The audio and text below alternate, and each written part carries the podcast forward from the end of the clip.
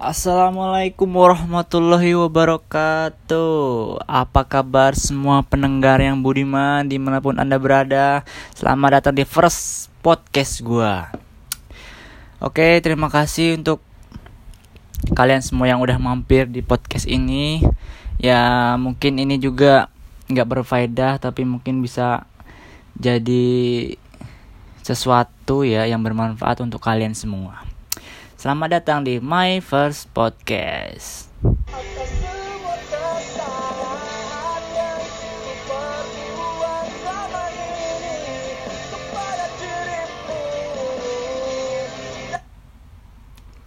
Oke,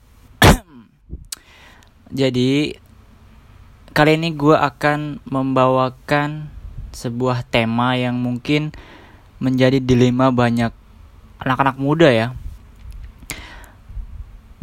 generasi-generasi milenial yang sekarang masih usia 23 tahun. Nah, karena gue juga berada di usia 23 tahun sekarang ya kan, maka judul yang akan gue angkat adalah 23 tahun ngapain aja sih? Iya, di sini gue akan bagi menjadi tiga segmen. Ada segmen percintaan, segmen karir, dan juga segmen pertemanan. Oke, kita langsung masuk aja ke segmen yang pertama yaitu segmen percintaan.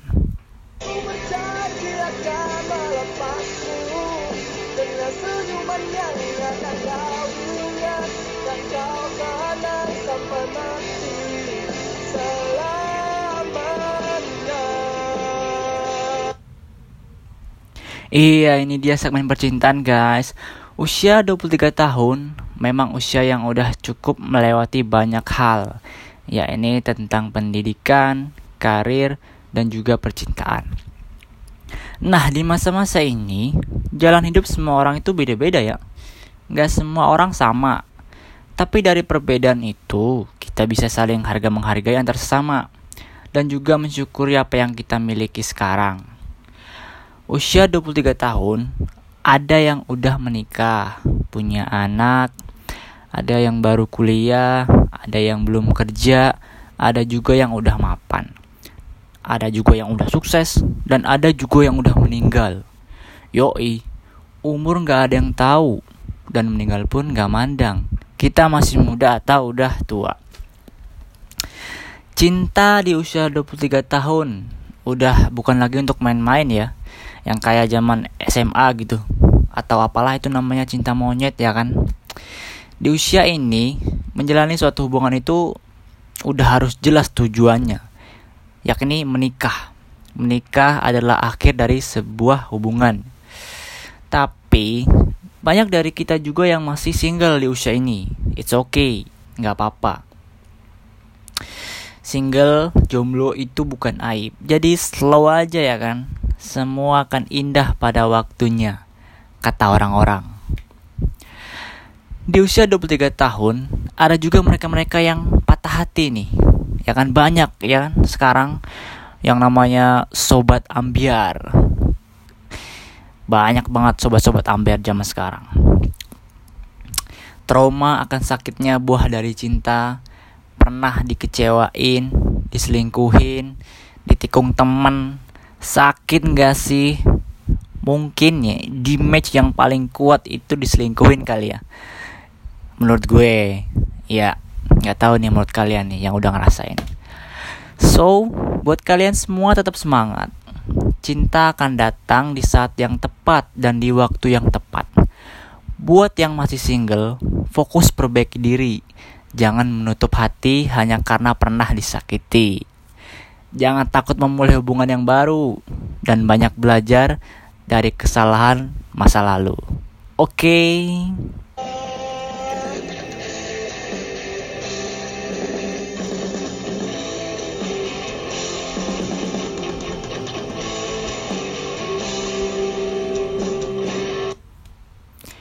Ya itu tadi masalah sedikit masalah cinta ya.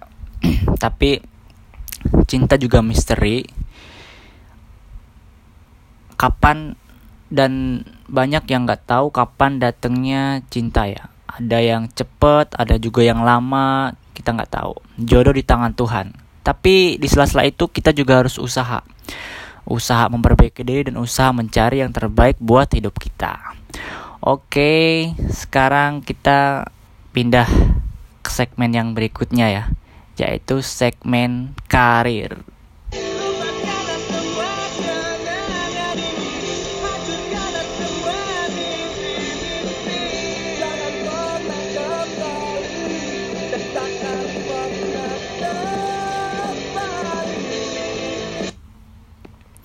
Iya, tadi backsoundnya Ambiar ya, lagu lama. Tahu kan kalian judulnya apa? Remember of Today. Oke guys, kita lanjut.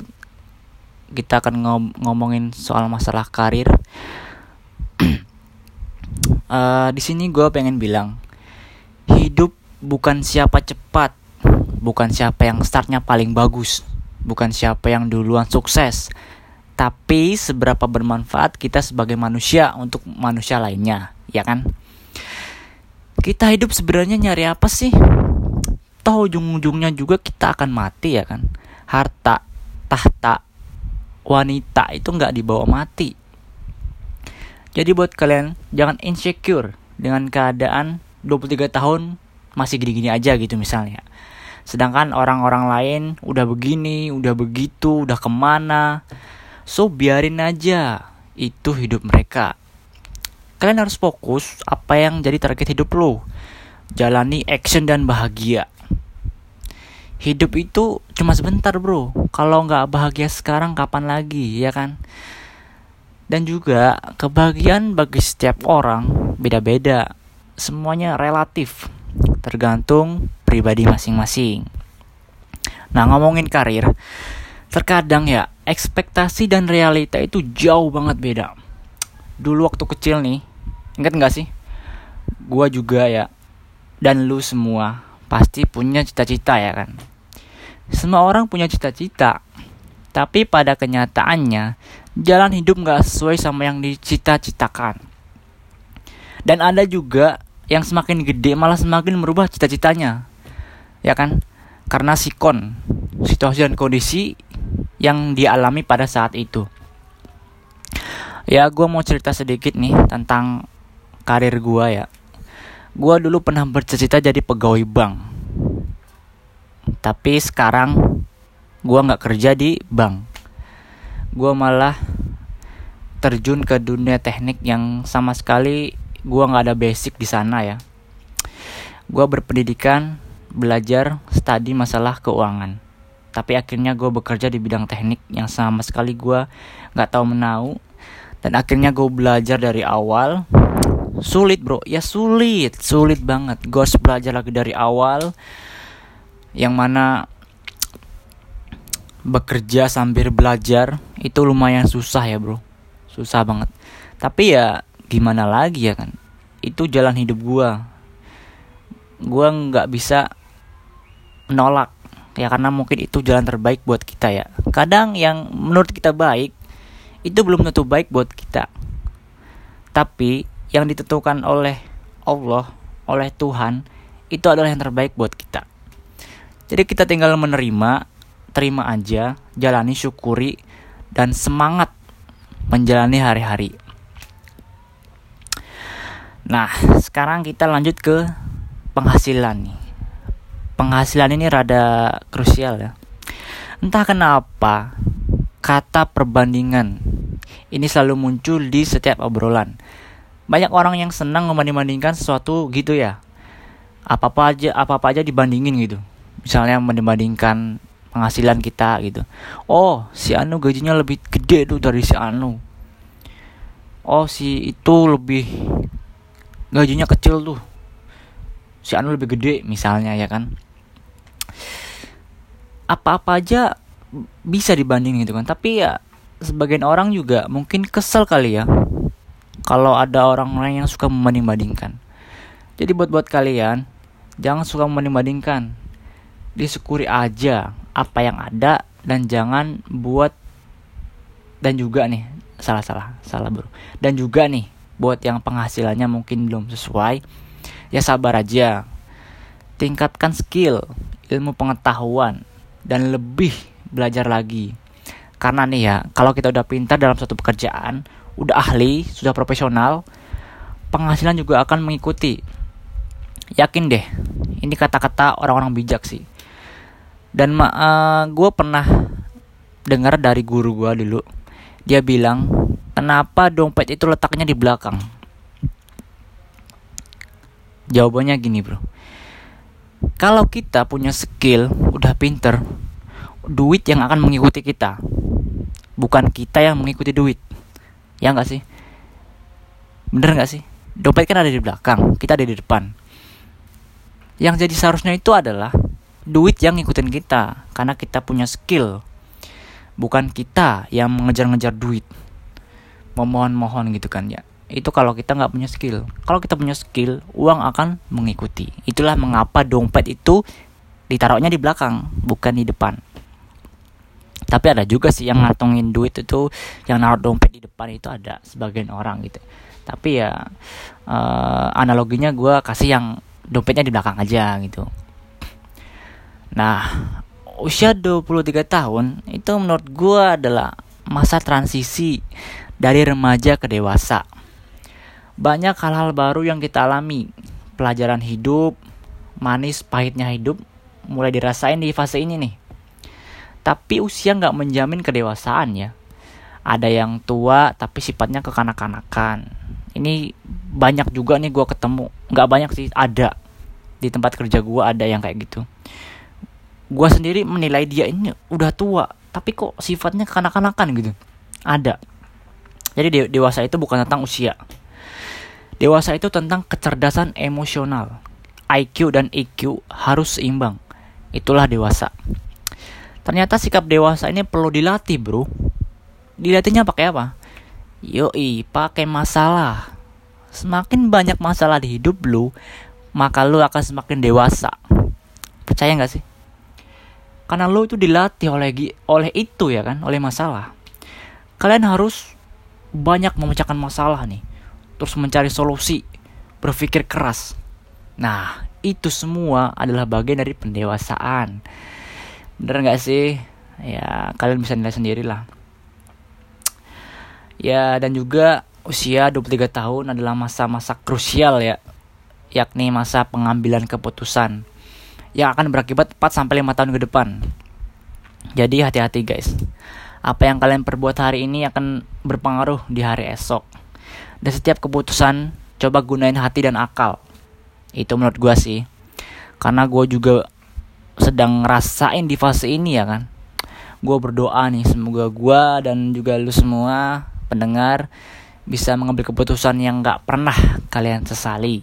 Amin. Karena penyesalan itu sakit bro. Beneran. Jangan sampai kita semua mengalami penyesalan so kalian harus selalu ingat ini. Kita semua akan mati pada akhirnya ya kan? Berbanyak mengingat mati itu membantu kita untuk melakukan hal-hal dengan sungguh-sungguh. Ibadah ya kan? Kerja dan semuanya.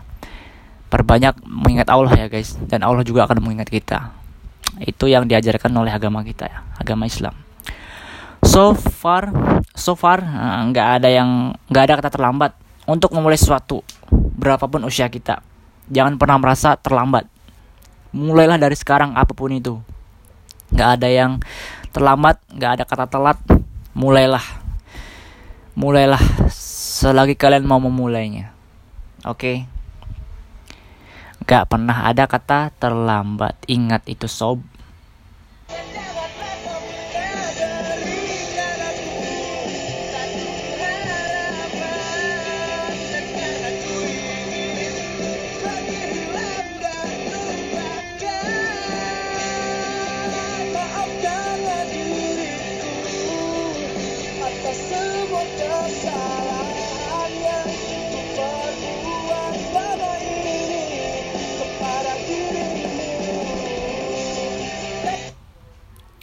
Oke, itu tadi adalah fase yang kedua dan terus kita lanjut lagi ya. Satu fase lagi itu di masa fase pertemanan. Gua yang sekarang, dulu gue pernah baca, kalau semakin dewasa seseorang itu temannya makin sedikit. gue dulu nggak percaya ya tapi ketika gue ke sini makin ke sini makin ke sini gue ngerasain siklus pertemanan itu memang semakin sempit. Teman-teman kita akan semakin sedikit. Itu gue nggak tahu kenapa ya atau memang sudah rumus kehidupan kayak gitu ya. Gue juga nggak tahu. Dan itu pun mungkin berlaku untuk semuanya ya. Dan ternyata kata-kata itu memang benar. Semakin dewasa seseorang akan pertemanannya itu akan semakin sedikit. Dan itu menurut gue dikarenakan pekerjaan ya. Dulu kita waktu sekolah mungkin teman-teman kita banyak. Organisasi kita banyak. Ya gue juga dulu kayak gitu ya gue gue aktif di bidang organisasi ke mana-mana itu teman gue banyak ya kan tapi ketika sudah bekerja itu kita udah mulai fokus ke pekerjaan dan juga jam kerja ya tuntutan jam kerja kita hanya bebas di waktu weekend aja kita udah punya tanggung jawab sampai Senin sampai Jumat untuk bekerja. Ini menurut gue yang yang membatasi kita untuk berteman lebih banyak kepada yang lainnya. Dan juga mungkin semakin dewasa kita akan semakin selektif dalam memilih teman. Kita nggak asal asal-asalan nih uh, menjalin pertemanan sama seorang. Karena satu orang, eh karena satu teman yang ada di saat kita susah itu sangat berarti daripada seribu teman yang bertepuk tangan saat kita sukses. Itu guys. Jadi nyari teman yang setia itu memang susah sih sebenarnya ya. Kalau teman cuma sekedar teman mah banyak, tapi teman yang selalu ada itu susah menurut gua. Jadi buat kalian yang udah punya teman yang selalu ada, itu jangan pernah kalian lepaskan, jangan pernah kalian sakiti dia. Teruslah jalin hubungan baik. Karena itu adalah harta yang sangat berharga untuk kalian, guys. Uh, dan juga mungkin yang menyebabkan siklus pertemanan semakin sedikit yaitu tempat kerja ya.